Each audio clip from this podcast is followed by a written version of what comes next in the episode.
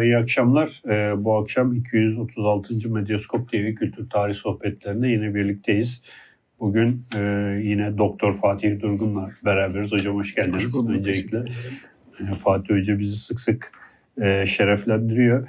Bugün e, Dante'nin 700. yılı sebebiyle, e, ölüm yılı sebebiyle geçen hafta İsmail Gezgin'le bir yayın yapmıştık. İlahi komedi üzerine. Bu hafta da gene Dante'nin e, Monarşi kitabı üzerine Pinhan yayınlarından çıkmış politik bir metni e, Dante'nin. Bu kitap üzerine bir yayın yapmak istedik ve e, bu sebeple e, Fatih Hoca'yı çağırdık. Kendisinin yayına başlamadan önce bunu da duyurmuş olalım. Ortaçağ Avrupa tarihi üzerine makalelerini topladığı bir kitabı da yeni e, matbaadan çıktı. Sağ olsun gel, e, gelirken bize imzalayıp getirmiş. Ketebe yayınlarından çıkma. Kendisi e, Ortaçağ Avrupa tarihi üzerine e, çalışıyor ve bu sebepten de biz Dante üzerine bu yayını e, yapmak istedik. Hocam öncelikle hoş geldiniz tekrardan. Hoş bulduk, teşekkür ediyorum. E, ben ilk soruyu Ozan'a bırakıyorum. Buyur Ozan. Sağ olun.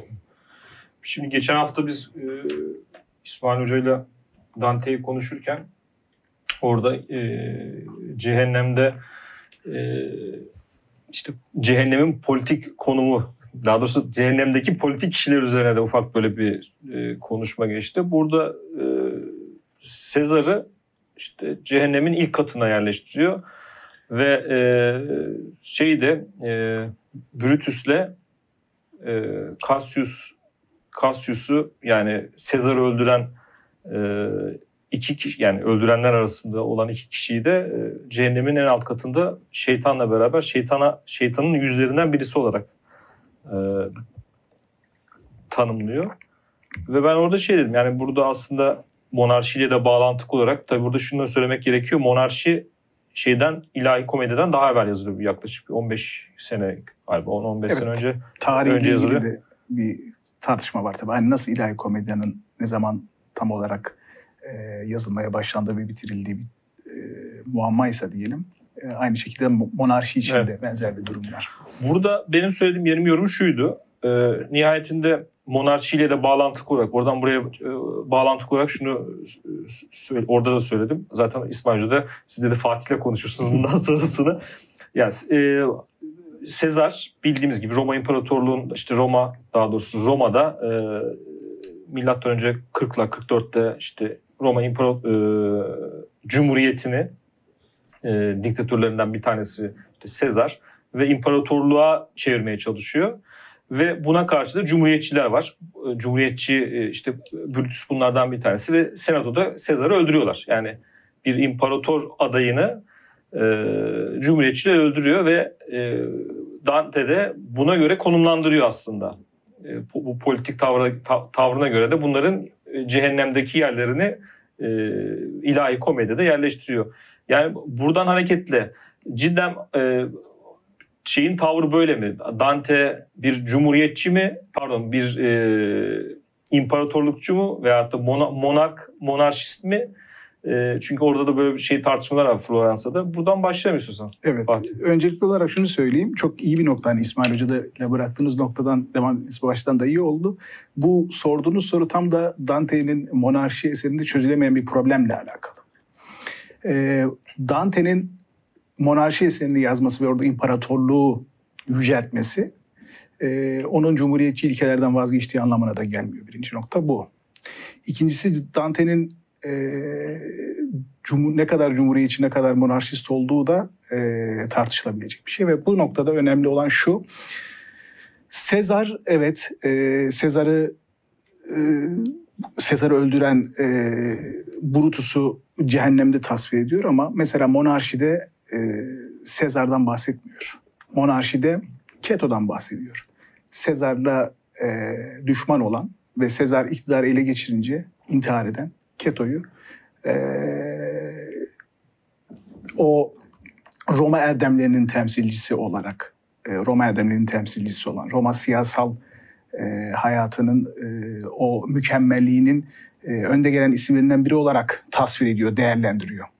Bu anlamda 15. yüzyılda Floransa'da hümanistler tartışırlarken şunu söylüyorlar. Yani bu Keto'yu yüceltiyor, cumhuriyetçi yüceltiyor, Sezar yüceltmiyor. acaba bu onun cumhuriyetçiliğine de, Dante'nin cumhuriyetçiliğine de bir ispat, bir kanıt olabilir mi diyor. Dante e, monarşi, Dante'nin monarşisini değerlendirirken Dante'nin aslında e, nasıl da içinde bulunmuş olduğu siyasi konjöktürün neticesinde hareket ettiğini görmek gerekiyor. Sonuçta Dante e, Floransa siyasetinde papalık yanlısı olan Guelfolarla birlikte hareket eden, siyaseti onların arasında yapan bir isim.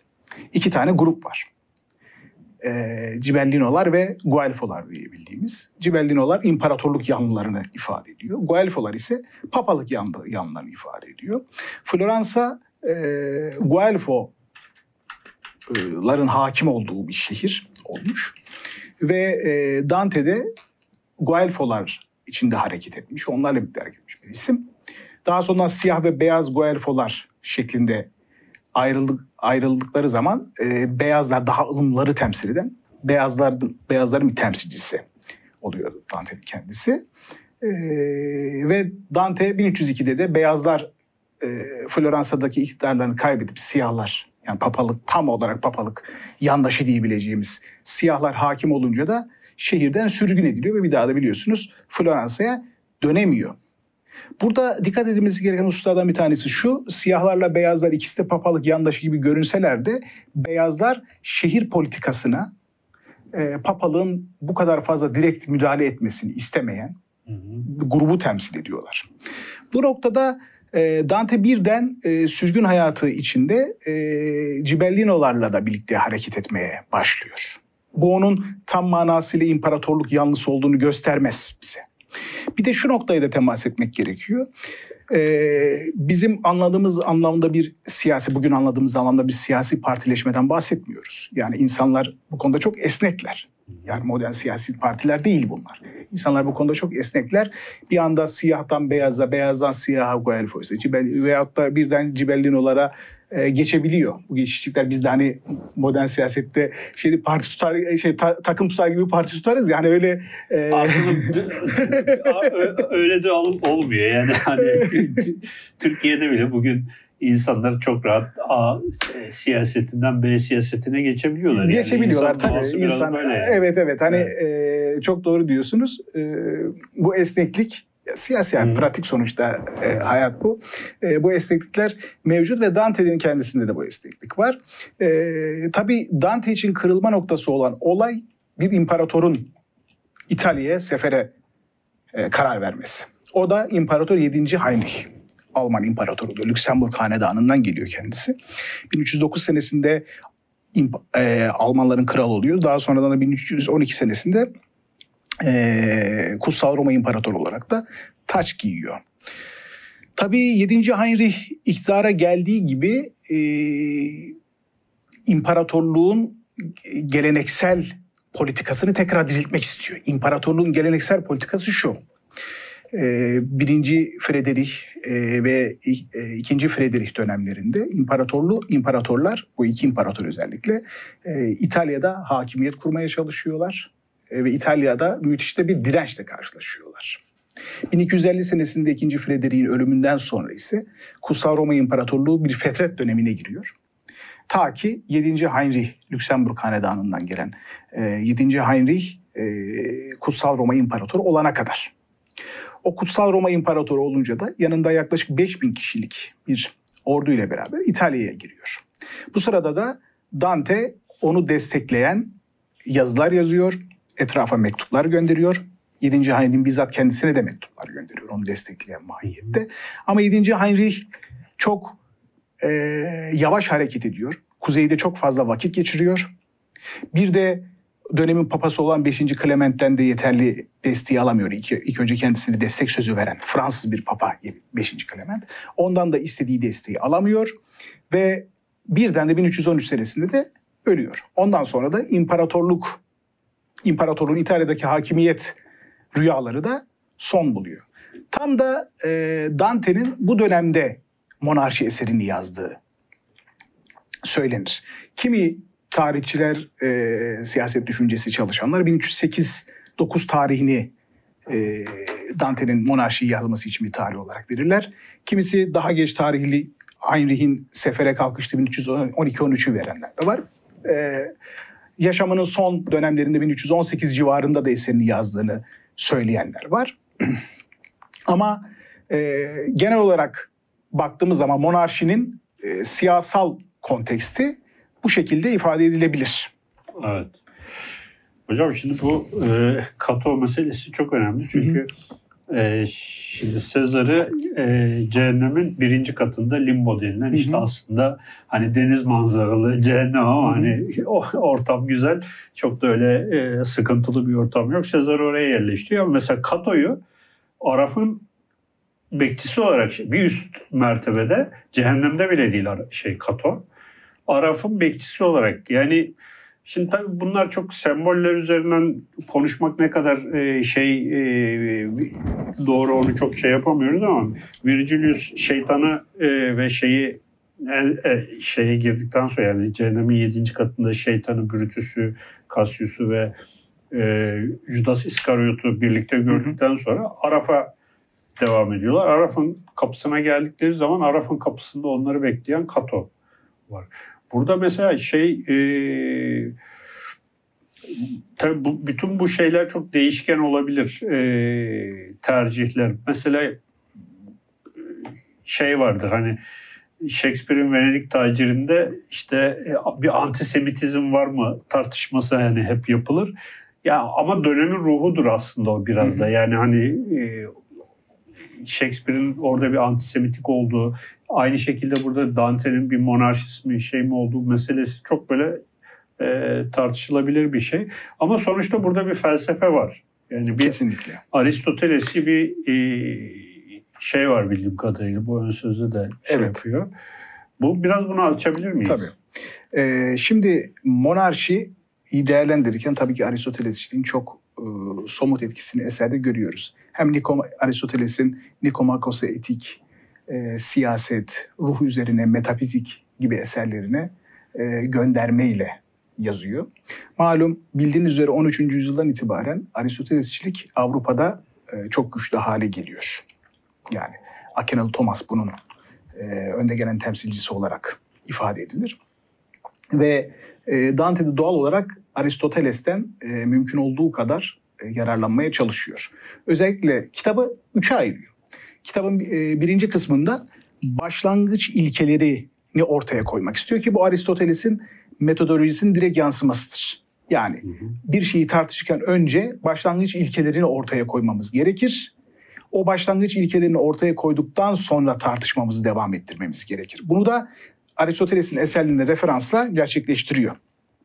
Ve kitabın bu birinci kısmında başlangıç ilkelerini ortaya koyduktan sonra insanlığın ortak ereği ne olmalıdır? Bu da yine erek düşüncesi de Aristoteles'ten direkt alınma bir şeydir.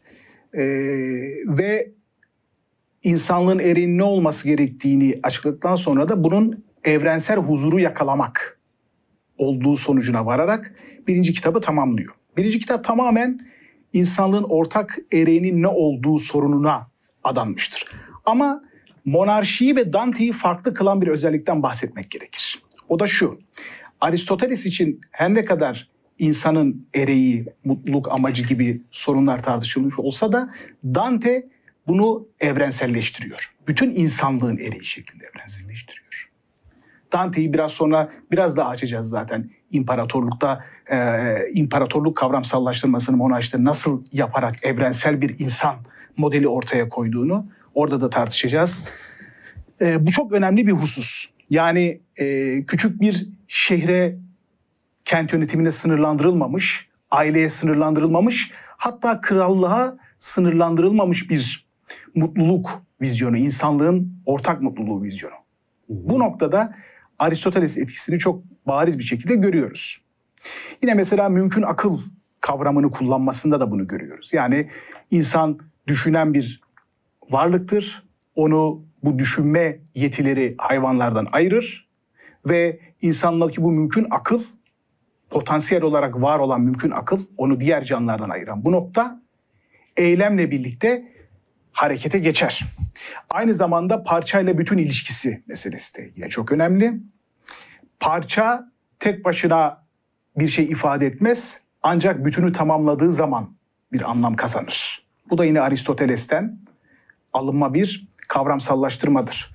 Dediğim gibi Aristoteles sadece Aristoteles değil, Aristoteles dışındaki birçok düşünürü de kullanıyor ve bunları kendi e, düşünce, e, kendi e, siyaset düşüncesi için e, kullanmaya çalışıyor. Şimdi işin şöyle bir tarafı var. E, maalesef monarşi eseri ilahi komedyadan dolayı çok gölgede kalmış bir eser. Hı hı. Yani ilahi komedyanın o e, büyük bir eser olmasından dolayı monarşi genelde enteresan bir şekilde işte e, gerici bir metin. İmparatorluğu e, öne çıkardığı için. işte emperyalist bir metin hı. gibi e, nitelendirmelere maruz kalmış bir eser. Bir de tabii Latince'de yazılmış bir eser mesela ilahi komedyadan e, farklı olarak da Latince'de kaleme alınmış bir eser. E, Dante'nin artık kaybedilmiş bir davanın temsilcisi olduğu bir eser olarak değerlendiriliyor ama burada e, bunun öyle olmadığını yavaş yavaş isterseniz açmaya başlayalım. Evet. Buyurun hocam. Nasıl öyle olmalı? Evet. Şimdi e, kitabın ikinci bölümünde e, şunu yapıyor. E, insan, e, pardon, e, Romalıların neden e, tan- tanrısal e, şeyi aldığı, tanrısal e, desteği aldığı, ilahi desteği aldığını ispatlamaya çalışıyor. Üçüncü kısımda, üçüncü kitapta ise e, papalıktan gücünü e, siyasi otoritenin almadığını ortaya koymaya çalışıyor. Dante'nin en ayırt edici vasfı kanaatimce ikinci kitaptaki kilit bir ifadedir. İkinci kitapta olması lazım. Kilit bir ifadedir. Ya da üçüncü kitapta. Emin değilim şu anda. Ama ifade şu. Kilise meşruiyetini İsa Mesih'ten alır. Evet. Fakat Tanrı'dan meşruiyetini alan, direkt alan imparator bunu insan hakkı temelinde yapar. Hı. İnsan vurgusu burada çok önemli. Tamam Tanrı'dan irade e, meşruiyeti alıyorsunuz ama insan hakkı temelinde bunu gerçekleştirir. Evet. İnsan türü kavramsallaştırması da bir diğer boyuttur. Kitabın eğer e, baktıysanız, incelediyseniz kitapta da şunu görürüz. İnsan türü kavramını kullanıyor. Hı. Acaba dedim ben e, yani insan türü kavramını nasıl, ne anlamda kullanıyor? İnsan türü kavramını kullanırken direkt Adem'le insanı, Adem'le bütün insanlığı birbirine bağlayarak İsa Mesih'ten yani İsa Mesih'e bağlamayarak farklı bir insan tipolojisi ortaya koyuyor. İnsan türü diyor. İmparator da zaten insan türünün ortak ereğini gerçekleştirmede yani huzurunu, mutluluğunu gerçekleştirmede lider olacaktır. Bu çok önemli bir şey. Evet. Kiliseyi de aşan bir şey aslında burada. Yani- Evet. Yani, Hristiyanlık mesela şey dersek İsa Mesih'ten aldı dersek bunu sadece Hristiyanları kapsıyor ama e, Tanrı'dan aldı ve insan türünü kapsıyor dediğiniz zaman bütün hepsini Bütün insanları Bütün yani insan. burada imparator sadece Hristiyanların imparatoru değil. Bütün insanlığın imparatoru. Bunun içine kimleri koyabiliriz? Bunun içine Dante'nin Hristiyan olduğunu ve Hristiyan e, bir çevrede yaşadığını düşünürsek paganları da koyabiliriz, Müslümanları da koyabiliriz. Bu çok aslında devrimci bir düşünce biçimidir. Bu çok önemli. Burada şey söyleyeceğim. Yani çok yine e, sen şimdi dalga geçeceksin Cengiz. ya şey mevzusunda da İbn Haldun da ya aynı dönemde 1325'te 21'de ölüyor Dante. O da 1325'te doğuyor. E, ve aynı şeyleri söylüyor aslında. Yani o felsefecilerin o ilk başta böyle bir girişinde şey, şey söylüyor işte. Felsefeciler e, sadece e, şeyle nedir e, şariyle yani peygamber vasıtasıyla iktidarın verildiğini söylüyor diyor ama hayır diyor ampirik olarak değildir. Çünkü bunların haricinde mesela İranlıları nereye koruyacaksın diyor. Yani iktidarı e, bir yanıyla e, sekülerleştiriyor. Yani İbn Haldun da yapıyor bunu ve aynı şekilde Dante de yapıyor ve bunlar çağdaşlar. Evet.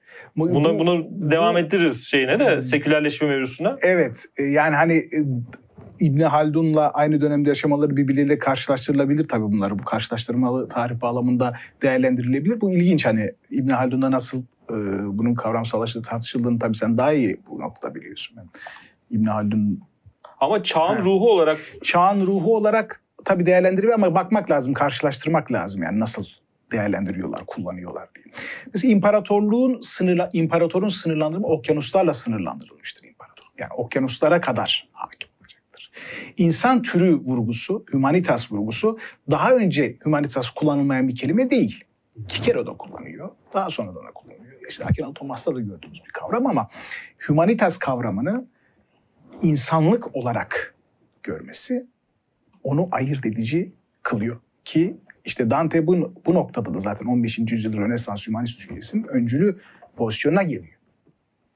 Bu çok önemli bir nokta.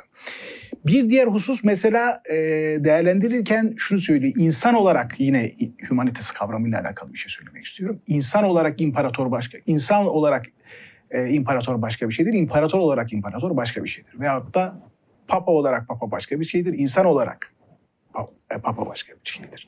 Bu ayrımda bu insanı tür olarak bir bütün olarak vurgulaması onun ayırt edici özelliği olarak görülüyor. Bir taraftan da makamla kişi arasında yapmış olduğu ayrım da çok önemli. Yani değerlendirme yaparken makamı değil eleştireceği zaman insanı eleştiriyor. Mesela İlahi Komedi'de e, cehennemde olanlardan bir tanesi de Papa 8. Bonifacius'tur. E, nefret eder Dante kendisinden. E, ama Papa Bonifacius'u değerlendirirken Papa Bonifacius'u eleştirir kişi olarak. Makama saldırı eleştiri yapmaz. Bu ikisi arasındaki bir ayrımı da gözettiğini söylemek lazım. Ee, Üç tane papa var. Cehennem attı. Evet. bir, bir, bir sürü de kardinal var. Yani onlardan bir tanesi evet. Bonifacius. Bunlardan bir tanesi Bonifacius. Tabii Bonifacius önemli çünkü 1302 senesinde Bonifacius e, Unam Sanctam adı verilen bir e, ferman yayınlıyor. Ve diyor ki siyasi otorite tamamen papalığa bağlı olmak, onun kontrolü altında olmak durumundadır diyor. E, ve ondan sonra da Floransa'nın e, iç işlerine karışıyor ve sonra Dante'nin de zaten tasfiye olması süreci de bunun neticesi. O yüzden de e, nefret ediyor Bonifacius'tan. Bu gayet evet. doğal. E, homo optimus mesela kavramını kullanması da yine humanitas kavramını kullanmasıyla e, birlikte değerlendirilebilir. Ki, yani kamil insan, mükemmel insan. Bu da yine Aristotelesçi düşüncenin bir yansıması. E, imparatoru da o kamil insan, yargı yetkisiyle, Tanrı tarafından seçilmiş olmasıyla e, ve e, bütün toplumu e, ortak mutluluk, huzur noktasında yönlendirecek rehber olması özelliğiyle o kamil insan tanımının içine alıyor, öyle değerlendiriyor. Bundan dolayı mesela e, eleştiriler oluyor tabii Dante. Dante Monarşi'yi yazdıktan sonra e, Guido Vernani bir Dominiken e, papazı ve e, düşünce adamı diyeyim, din adamı e, hemen monarşinin aleyhinde bir metin yazıyor. Onlar bir reddiye yazıyor ve diyor ki senin diyor tasvir etmeye çalıştığın insan tipi ancak diyor İsa olabilir. Böyle bir insan yok. Böyle soyutlama yapıyorsun diyerek de e, bir eleştiride bulunuyor Dante üzerinde. Tabii e, Dante ondan sonra e, imparatorluğun meşruiyetini, Tanrı'dan gelen bir meşruiyete sahip olduğunu ispatlamak için de e, ikinci kitapta Romalılara dönüyor. Burada, bundan dolayı da işte Dante'nin e, kendi soyunu romanlara dayandırması, İtalyan olması vesaire bunlar hep e, değerlendirilir, söylenir. Tabii bu da doğal. Yani İtalyan topraklarında olan birisi, Floransa olan birisinin e, Roma'yı e, böyle yüceltmesi ve Tanrı'dan direkt meşruiyetini alma, aldığını söylemesi de gayet normal. Orada bir sürü de mucize örnekleriyle Roma'nın neden e, Tanrı tarafından seçilmiş olduğunu ispatlamaya koyulur. Burada da e, hem erken dönem Hristiyan tarihçileri, Orosius gibi tarihçilerin eserlerinden yararlanır. Hem de Aziz Agustinus'a da referansları vardır bu noktada. Yine e, tabii ki e, Livius'a ve e, Vergilius'a da referansla Romalıların e, neden Tanrı tarafından seçilmiş olduklarını ortaya koyar. Burada dikkat edilmesi gereken hususlardan bir tanesi şu iki noktada Roma'yı yüceltiyor. Birincisi e, Aeneas'tan Roma'nın kurucusu olarak hı hı. bildiğimiz Aeneas'tan e, itibaren Romalıların e, kan olarak asalete sahip olduğu ki bu e, ilginç bir noktadır. Çünkü Dante e, çoğunlukla asaletin kana dayanmadığını, liyakata dayandığını ifade eden bir isim. Ama burada e, kana da dayandırıyor. Ki kendisi de zaten ikinci el e, katılan büyük dedesini e, ne de onunla da övünüyor. E, o da yine e, kan bağından dolayı o kendisinin böyle bir övünmesi var. E, hem bu kana dayalı asaletini vurguluyor Romalıların. E, Aeneas'tan beri Romalıların e, evlilikler yoluyla Afrika ve Asya ile ve Avrupa ile bütünleşip ortak bir kana sahip olduğunu söylüyor. Bir taraftan da kendi erdemleri, kişisel erdemleri ve kendi bireysel iradelerini kamu yararına kullanmaları vesilesiyle de e, farklı bir erdem boyutuna sahip olduklarını, bunun diğer e, devletlerde, uluslarda bulunmayan bir özellik olduğunu da vurguluyor.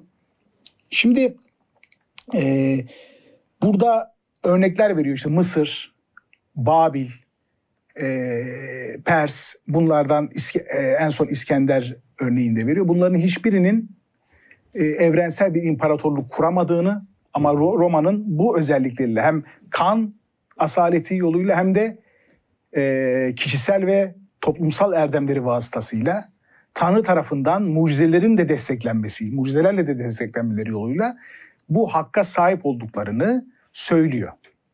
Şimdi burada başka bir enteresan nokta daha var. Roma İmparatorluğu'nun ve imparatorluk müessesesinin tanrısal olduğunu ispatlamaya çalışırken tabii ki Hristiyanlık tarihinden de yararlanmayı ihmal etmiyor. İsa'nın İmparator Augustus döneminde dünyaya geldiğini,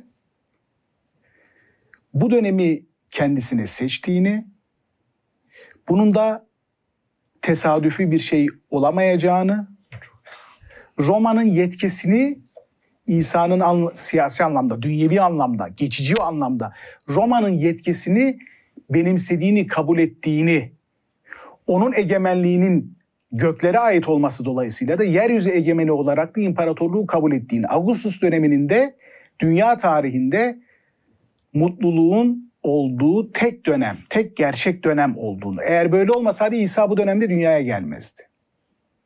Evet. Ve doğal olarak İsa ne zaman dünyaya geliyor? Roma döneminde dünyaya geliyor. Ve neyden önce geliyor? Kilise kurulmadan önce dünyaya geliyor. Dolayısıyla imparatorluk kiliseden önce vardı. Kilise imparatorluk üzerinde tahakküm kurmaya kalkmasın. Siz yokken biz vardık. Bunu... güzel, güzel, güzel kurmuş Ef, yani bu Efsane mevzuyu. açıklama yapmış yani. Evet. Cidden. Bu argüman karşısında söyleyecek bir şey kalmıyor. Ama şeyi bağlantısını kurması çok ilginç yani. Mesela bu Augustus'un e, Augustus'a bağlaması ve özellikle bu tür, insan türü mevzusu. Çünkü bildiğimiz kadar Aristo mesela Aristo'nun e, politik felsefesinde de zaten e, felsefesinde de politik felsefesinde de Yunan üzerinden kuruyor. Yani bir şehir devleti veya daha, daha doğrusu bir şehir devletler ligi üzerinden Yunanlık üzerinden kuruyor ve onların hepsini dışlıyor. Barbar Tabii. olarak tanımlıyor. Ama burada cidden e, daha büyük daha evrensel bir görüş var. Burada daha evrensel bir görüş var. İşte bu Roma görüşü. Yunan görüşü polise sınırlandırılmıştır. Roma görüşü ise kozmopolistir stoacılıktan dolayı. Kozmopolistir, evrensel dünya. İmparatorluk imparatorluk olacaksanız bu evrensel vizyona sahip olmalısınız. Zaten Roma döneminde stoacılığın bu kozmopolis düşüncesinin, evrensel kent düşüncesinin gelişmiş olmasının nedeni de e, budur. E, Diyor ki İskitlere, İskitlerin topraklarına kadar bu tarafta da Afrika'da Gramantlar, Libya'da yaşayan e, topluluk milattan önce 5. yüzyıl civarında e, onların yaşadıkları topraklara kadar yani bilinen dünya burada hakim olan bir imparatorluk vizyonundan bahsediyor. Ve bu imparatorluk vizyonu içinde şöyle bir durum daha var. Bu imparatorluk vizyonu içinde e, söyleyeceğimi unuttum. ben, ben oradan devam edeyim o zaman. Bu evrensellik mevzusu, evrensel insan, evrensel monarşi, daha doğrusu imparatorluk. Bu bir yanıyla da e, sekülerizme giden bir yani şeyin ne diyelim iktidarın dünyevileşmesine giden bir yol. Yani bu işte Machiavelli bir adım sonrası herhalde Machiavelli gidiyor. Yani o iktidarın şeyden e, işte ilahilikten e, sıyrılması. Evet burada güç mevzusu tabii aklıma hemen geliyor. E, Machiavelli tabii gücü elinde bulunduranın hakkı da elinde bulundurduğu vurgulanır. Aynı şey Dante'de de var.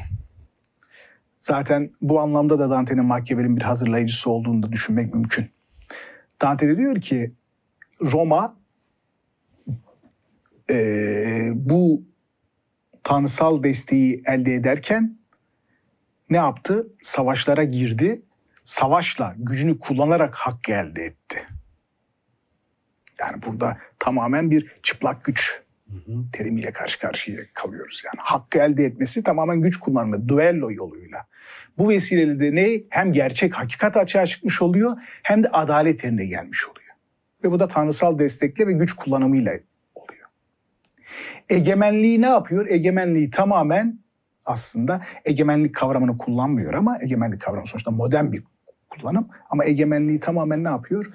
Kiliseden, din adamlarından çekip alıyor. Ve bir diğer husus da şu, felsefeyle, felsefi akılla teolojiyi birbirinden ayırıyor. Hmm. Bu da önemli bir nokta. Evet. Yani insan türünün mutluluğu için, dünyevi mutluluk için imparatorun yetkisinin vurgulanması ve bunu temellendirirken de sadece Hristiyan kilise babalarına gönderme yapmayıp eski Yunan'dan itibaren felsefeye de vurgu yapması, onları da kullanması felsefi akılla teoloji arasında bir ayrım yaptığını da gösteriyor. Bir diğer husus daha var o da çok önemli bence. Adalet kavramını vurgulamasıdır. İmparatorun özelliği nedir homo optimus olarak? Yargı veren, dağıtan. Adaletle hükmeden. Adalet kavramı yani dindar imparator ya da dindar kral imgesinden ziyade adil kral ya da adil imparator imgesinin burada çok daha baskın olarak ortaya çıktığını görüyoruz. Ve bu adaletle hükmetmesi de onun insanlığın mutluluğu için gerçekleştirdiği bir eylemdir. Dindar olmasından kaynaklanan bir eylem değildir. Hı hı. Bu da yine eserin önemli hususlarından bir tanesi diye düşünüyorum. Sonrasında ise üçüncü kitapta kilisenin, e, papalığın siyasi düzen üzerinde kurmuş ol, olduğu tahakkümün argümanlarını çürütme yoluna gidiyor. Üçüncü kitabın bütün şeyi, bütün esprisi bu. Evet. Şimdi e, orada iki metafor üzerinden hareket ediyor. Bir tanesi 5. yüzyılda iki kılıç kuramı diye de bildiğimiz e, iki kılıcın da hakkı olan, iki kılıcın da sahibi olarak Papa'nın e, görülmesi ve Papa'nın autoritas olarak yani otorite olarak meşruiyetin kaynağı olması, potestas yani kullanım hakkının ise e, Papa tarafından, meşruiyetin kaynağı olan Papa tarafından imparatorlara ya da krallara verilmesi. Burada şeyi hatırlatmak lazım herhalde. İmparatorlar mesela Kutsal Roma Cermen İmparatoru Papa'ndan taç giyiyor. Evet. Yani simgesi olarak. Simgesel olarak da böyle e, otoritenin kaynağı olarak bu tabii 5. bu dediğim şey 5. yüzyıla e, dayanan bir şey. Bu autoritas potestas ayrımı meşruiyet otorite ile kullanım hakkı arasındaki ayrım. Daha sonradan tabii ki orta çağlar boyunca kullanılan argümanlardan biri oluyor. Ee, bunu eleştiriyor. Bir de bunu eleştirirken ay ve güneş metaforu çok fazla orta çağda kullanılan metaforlardan bir tanesi. Ee, papalık ilahi otoriteye sahip olduğu için güneşi temsil eder. Ay ise dünyevi otoritedir. Ay, e, güneş aydan üstün konumdadır. Onun kaynağı, güç kaynağı da güneştir.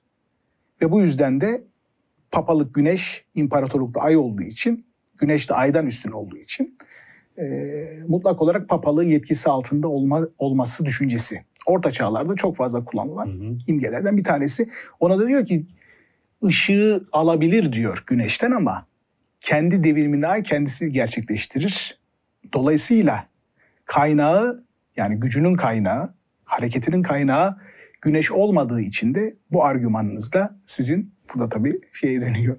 e, doğa bilimlerine ve felsefeye diyelim e, dönerek e, bu argümanı da eleştiriyor, yok sayıyor. E, ve diyor ki yani imparatorluk papalıktan önce var olduğuna göre, siyasi otorite kiliseden önce var olduğuna göre bu şekilde sizden kaynağını imparatorluğun papalıktan kaynak aldığını söylemeniz tamamen gerçek dışıdır. Bu söylemeniz gayrimeşrudur diyor. Ve bir enteresan daha nok- bir nok- nokta daha var. Birçok şey var. Yani monarşi, monarşi maalesef şöyle bir metin oldu. İşte sürekli tekrarlara dayanan ve işte e, felsefi kavramların çok fazla kullanıldığı, e, tekrarlarla ve e, işte bu kanıtlama çabalarıyla da çok e, sevimsiz bir dili olan ilahi komediyle tabii karşılaştırarak konuşuyorlar. Olan bir eser olarak değerlendirdi. Halbuki her bir ben hani tekrar tekrar metne bakınca her bir cümlesinde diyeceğim neredeyse e, yeni bir şeyle karşılaşma e, karşılaşabiliyorum. Mesela e, Konstantin bağışı diye bildiğimiz meşhur bir belge var 15. yüzyılda e, orijinalliği çürütülüyor. Rom, e, Rönesans hümanistleri Orada tarafından. da metinde de geçiyor sanki. Evet. Geçiyor. Metinde Evet. de geçiyor. Lorenzo Valla tarafından 15. yüzyılda e, İtalyan hümanist dil bilimci bu metnin 8. yüzyıla ait bir metin olduğunu aslında metin 4. yüzyılda e, üretilmiş o, e, gerçek bir metin olarak Orta Çağ boyunca papalık tarafından kabul ediliyor ama bunun 4. yüzyıla ait bir metin değil 15. yüz- e, 8. yüzyıla ait bir metin olduğunu ispatlayarak papalığın seküler otoriteler üzerinde kurmak istediği e, üstünlüğü çürütmeye çalışıyor. Nedir bu? E, 4. yüzyılda Papa e, Silvester'e İmparator Konstantin'in. Roma İmparatoru, Bizans İmparatoru e, Konstantin'in e, Batı topraklarının dünyevi ve e, dünyevi otoritesinde uhrevi otoriteyle birlikte verdiği düşüncesidir. Onu üstün kıldığı. Dolayısıyla Batı'da da Orta Çağlar boyunca papalık diyor ki dünyevi güç de bizim elimizde. Bu belge, bu Konstantin bağışına da ne yapıyor bu vesileyle? Saldırıyor. Tabii Konstantin bağışının doğru olmadığı, metin olarak doğru olmadığı 15. yüzyılda dediğim gibi Lorenzo Valla ile birlikte ispatlanıyor ama Dante'nin Konstantin bağışına saldırmasının nedeni başka bir şey. İmparatorluk bölünmez, bölünemez. Egemenlik, bize egemenliğin bölünemezliğine gelir. İmparatorluk egemen güç olarak bölünemez. İmparatorun kendisi de bir birey olarak öyle kafasına göre imparatorluğa ait olan şeyi bölüp parçalayıp başkasına veremez. Zaten Konstantin bunu yapacak en son insan. Hani Konstantin'i biraz yakından tanıyan Evet. yani tetrarkı ortadan kaldırmış, bütün rakiplerini ortadan kaldırmış, kendi ailesini katletmiş. Yani e, karısını falan fırında yaktırıyor öyle gaddar bir adam yani. Hani bu kadar işte İngiltere'de İngiltere'de bile savaşmış. O kadar gücü merkezileştiren bir adamın kalkıp da ya işte bu Roma'yı da size verir siz burada idare edin demesi kadar absürt. Yani bir şey olmaz evet, yani. Evet. Çünkü yani e, Konstantin'in hani bütün hayatı gücü merkezileştirme üzerine e, şey yapan zaten yani başkenti taşıması vesaire de tamamen gücü merkezileştirmeye çalışan birisi evet. e, İmparator Konstantin.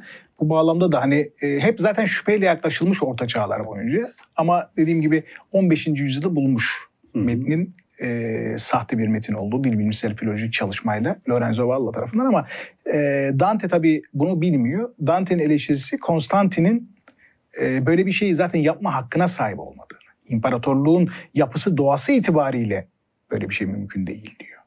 Aynı zamanda kilisenin de buna hak yoktur. Çünkü kilise bu şekilde bir dünyevi bağış alamaz. Evet. Diyor.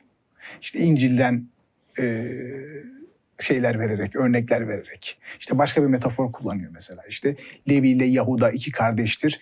Levi e, dini temsil eder, din adamlarını temsil eder. Yahudi ise, Yahuda ise e, Yahuda ise e, seküler otoriteyi temsil eder. Diyor ki bunu diyor e, siz söyleyemezsiniz çünkü diyor, Levi diyor yaş olarak büyük. Yani yaş olarak büyük olması onun otorite olarak e, üstün olduğu anlamına gelmiyor. Bunun gibi argümanları kullandığını yine eserde görüyoruz.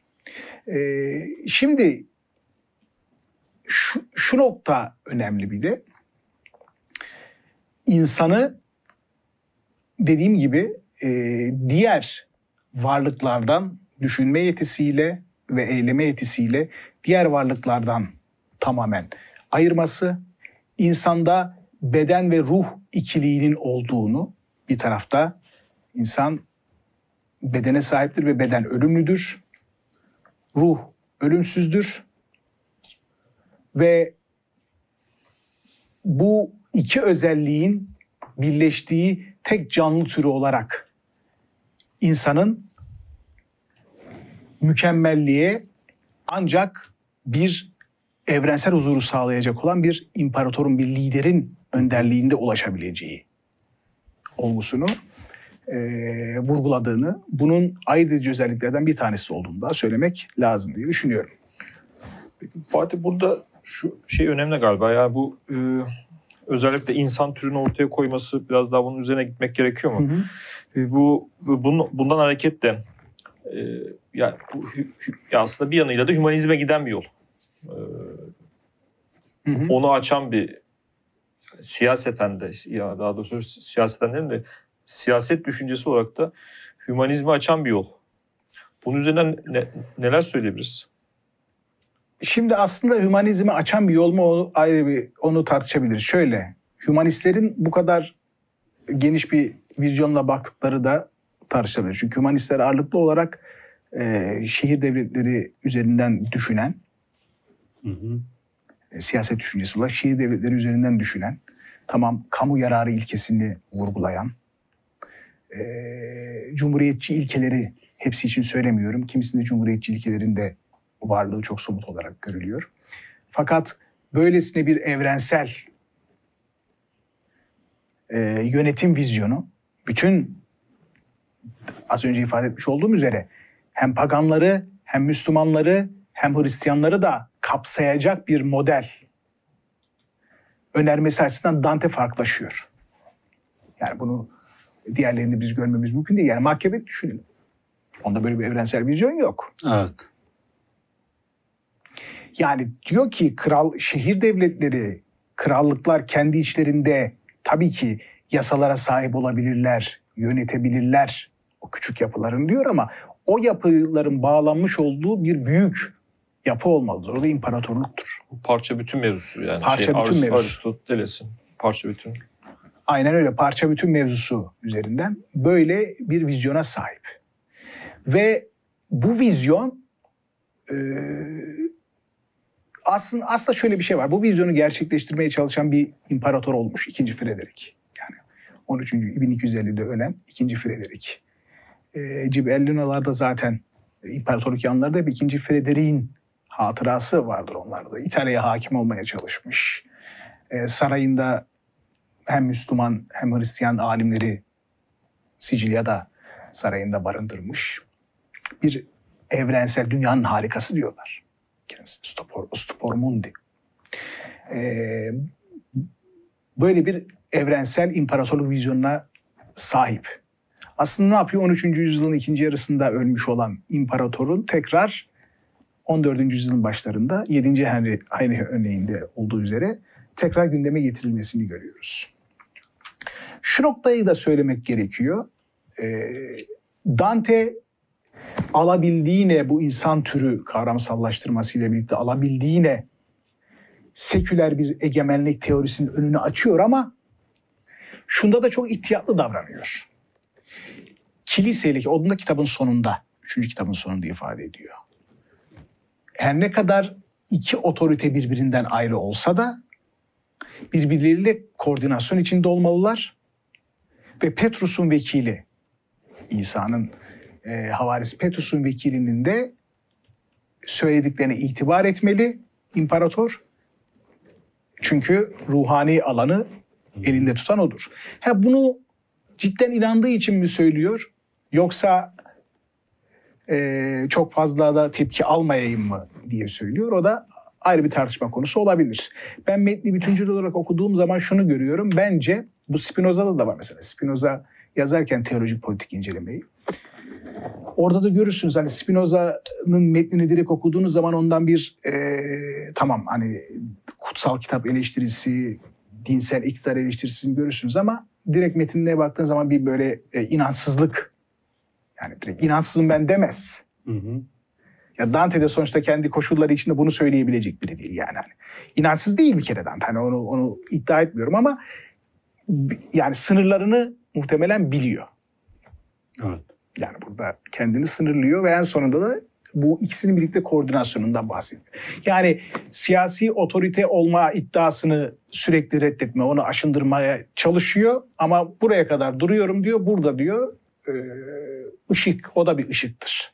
Yani bu dünyevi hayatımıza bir ışık verir. Ya, o tabii orada bir kapı aralan, aralandıktan sonra yani şey olarak fikren bir kapı aralandıktan sonra o kapı sonuna kadar açılıyor aslında. Yani şeyi siyasal iktidar, e, dünyevi iktidarı meşru, meşruiyetini sağladıktan sonra yani tamam arkadaşlar hani papalık da var hani bunlar da manevi otorite olarak bize e, destek versinler, ışık versinler.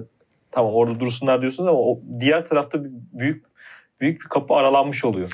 Kapı aralanmış oluyor. Mesela Hobbes'ta benzer. Hobbes'un metni Leviathan'ı okuduğunuz zaman e, Anglikan Kilisesi'nin e, tezlerini, argümanlarını görürsünüz. Ama Hobbes gerçekten Anglikan tezlere inandığı için mi yapıyor yoksa o dönemin dili? Sonuçta her dönemin kendine ait bir dili var. O evet. dil çerçevesinde yazıyorsunuz, argümanlarınızı ortaya koyuyorsunuz. E, çürütürken de Aristoteles'i kullanıyor ama işte Aziz Akinas'ı kullanıyor, Thomas Aquinas kullanıyor ama aynı zamanda İncil'i de kullanıyor. İşte eski ayeti de kullanıyor. Yani o dil, o dönemin bir dili var ve o dilin sınırları içinde hareket etmek durumunda kalıyorsunuz. Dante'de e, ister inançlı olsun ister ister inançsız o dille hareket ediyor ama bir şeyin kapısını açıyor. O sekülerliği e, onu farklı sekülerliği burada görebiliyoruz. Burada Fatih burada bir genel bir şey soracağım ama E, aslında az biraz da bahsettiğin gibi. Yani ben mesela bu siyasi düşünce metinlerini e, olması gereken değil de var olanın meşruiyeti olarak e, okuyorum. Yani mesela Leviathan işte İngiliz İç Savaşı var. Yani insanlar birbirlerini kesiyorlar. İç savaş yani. Ve yani insan insanı kurdu derken aslında var olan durumu meşrulaştırıyor. Ve e, bütün siyasi metinlere de bu gözle de bakmak gerekiyor diye düşünüyorum. Tabii var olan e, kesinlikle öyle var olan siyasi tartışmanın zaten girişte ne yapmaya çalıştık? Girişte e, 7. Heinrich meselesinden bahsederken e, 7. Heinrich'in hangi koşullarda geldiği, Dante'nin neden 7. Heinrich'i desteklemek e, kararını aldığı, Guelfo'lardan ayrılma süreci vesaire bunlar bu çerçevede değerlendirirsek onu anlamlandırabiliriz. Evet. E, siyasal düşünceler tarihinde şimdi artık böyle bir perspektif var bir süredir. Perspektif var ama e, bizim hani konumuz dışında olacak ama madem sorduğun onun üzerinden de rahat, rahat. söyleyebilirim. Ee, bizim mesela siyaset nameleri vesaire bu konuları çalışırken en büyük eksiklerimizden bir tanesi bu.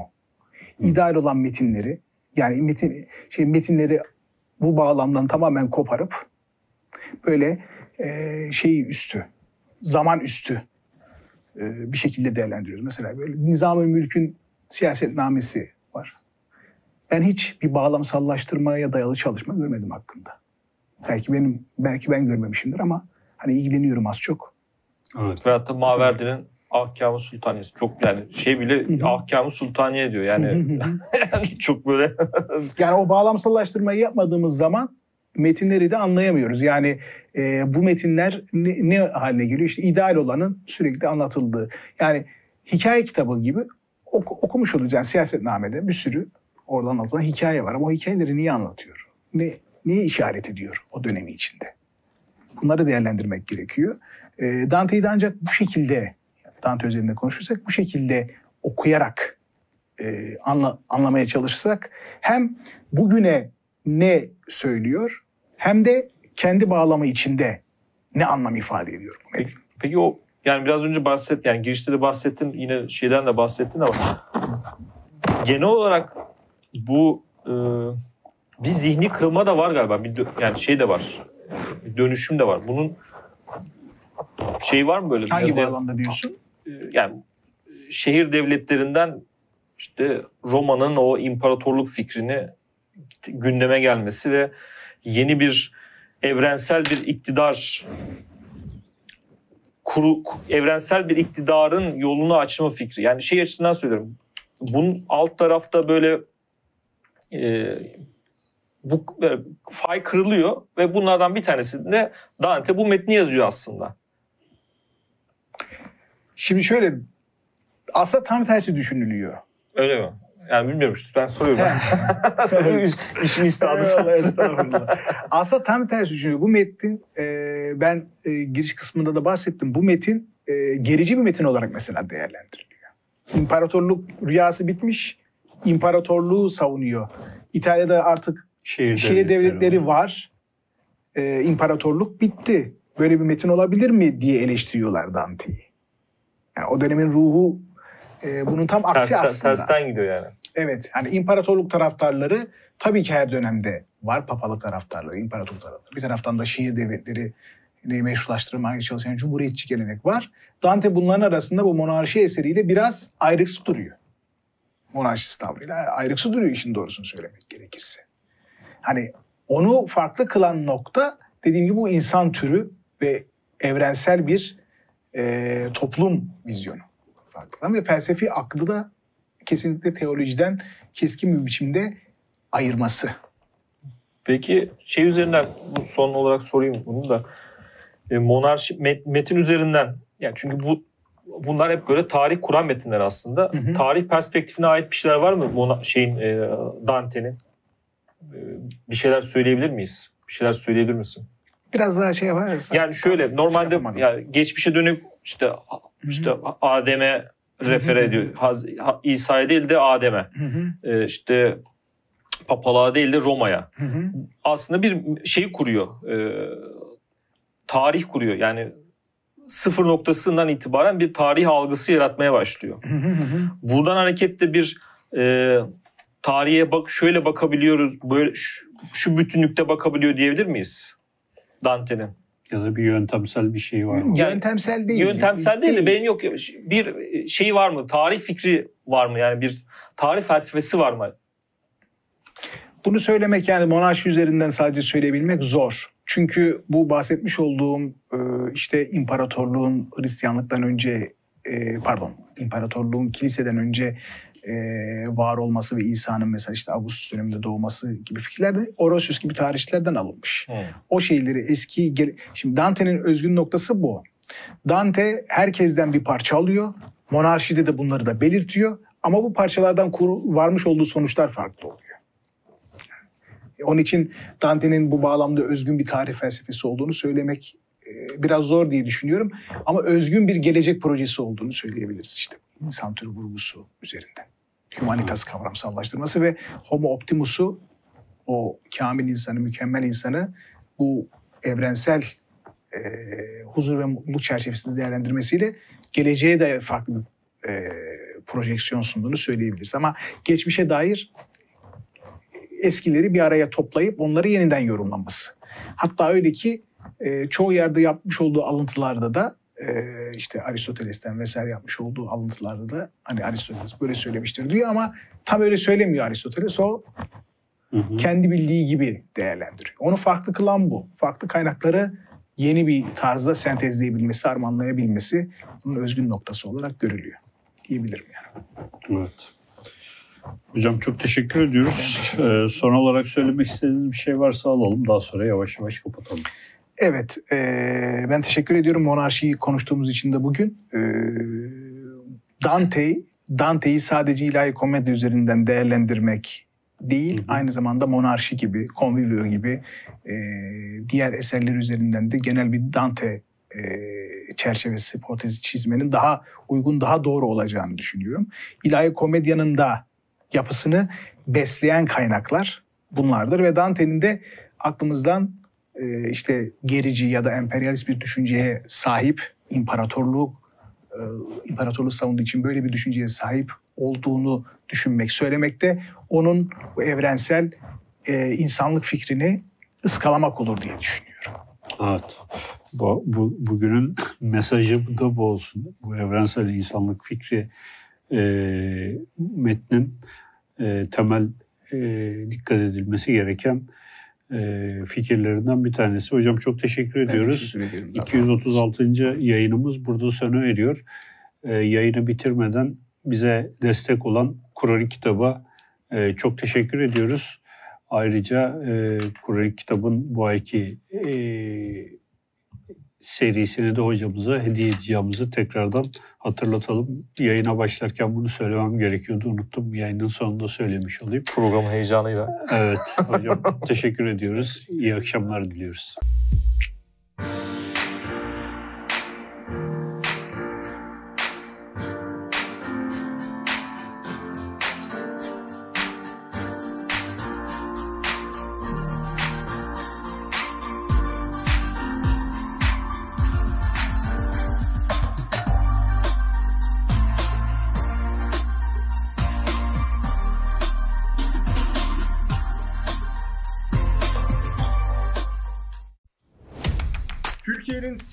Bağımsız, özgür ve çoğulcu bir medya ortamına ihtiyacı var. Medyascope 20 Ağustos 2015'te bu ihtiyacı karşılamak üzere yola çıktı. Ama yolumuz uzun. Bu yolculukta bize Patreon veya YouTube'un katıl butonu üzerinden katkıda bulunabilirsiniz. Destek verin, sizinle güçlenelim.